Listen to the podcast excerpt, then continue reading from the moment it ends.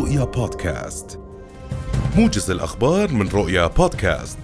داهمت مياه الأمطار التي هطلت على مدينة إربد فجر اليوم مسجد بلال بن رباح في الحي الجنوبي من المدينة حيث ألحقت أضرارا بمرافق المسجد وسكني الإمام والمؤذن. وهرع مواطنون لإنقاذ العائلات التي تسكن في الطابق الأول من المسجد وتم نقلهم إلى منازل أخرى قبل أن يتمكن عدد من المواطنين من تحطيم أجزاء من السور للسماح للمياه بالانسياب إلى خارج محيط المسجد. أكد أخصائي أمراض القلب والأوعية الدموية في الولايات المتحدة الأمريكية دكتور وائل الحسامي أكد أن المتحور أوميكرون من فيروس كورونا لا يشبه الإنفلونزا الموسمية وليس حتى من نفس الفصيل الفيروسي.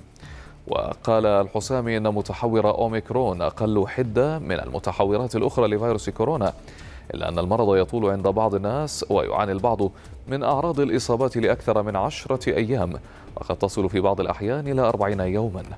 وأضاف أنه من ناحيه طبية وحتى الدراسات تقول إن العدوى بالفيروس قد تمتد إلى عشرة أيام من المصابين. قال المحامي المتخصص في مجال التأمين يزن محادين إن عقود التأمين التي تعنى بالحقوق المدنية لا تختلف أحكام عقودها من شركة إلى أخرى. وأضاف محادين أنه يوجد نوع آخر من التأمين يغطي هيكل المركبة فقط وهذه العقود تختلف من شركة إلى أخرى. وبشأن التأمين ضد ضد الغير أوضح محادين أن جميع الشركات تكون فيها متساوية. ولفت إلى أن أي أضرار ناتجة عن استخدام السائق للمركبة خلال الظروف الجوية التي سادت المملكة تشمله التأمين أو يشمله التأمين وهو ما قضت فيه محكمة التمييز في الأردن. قالت وزارة البناء والإسكان التابعة للاحتلال الإسرائيلي أنه تمت الموافقة على تنفيذ خطط لبناء 5250 وحدة استيطانية في القدس وإن الخطة تشمل أيضا إقامة 300 غرفة فندقية بمساحة 840 دونما لإنشاء حي استيطاني جديد. اللجنة المالية لبلدية الاحتلال وافقت على ميزانية قدرها 800 ألف شيكل لإعداد خطة بديلة لبناء المستوطنة. نقلت وسائل إعلام مغربية اليوم عن مسؤول في فرق الإنقاذ أن الطفل ريان البالغ من العمر خمس سنوات والذي سقط في بئر بإقليم شفشاون ما زال حيا.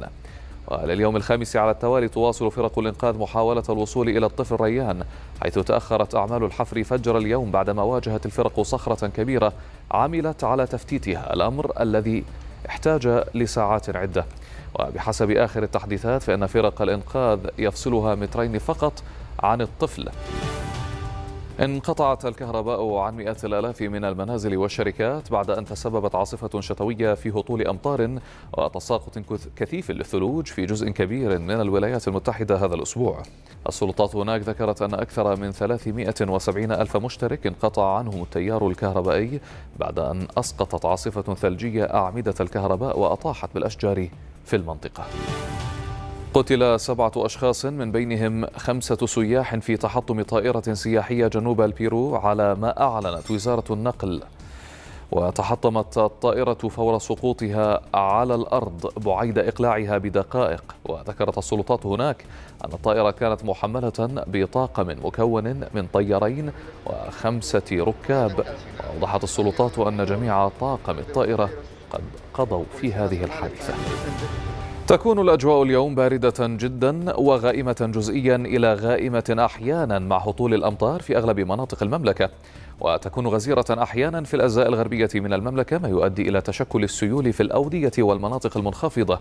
قد يصحبها الرعد وتساقط زخات من البرد أحيانا وتكون الرياح غربية معتدلة السرعة تنشط على فترات. وحذرت إدارة الأرصاد الجوية من خطر تشكل السيول في الأودية والمناطق المنخفضة في الأجزاء الغربية من المملكة ومن خطر تدني مدى الرؤية الأفقية بسبب تشكل الضباب والغيوم الملامسة لسطح الأرض فوق المرتفعات الجبلية العالية.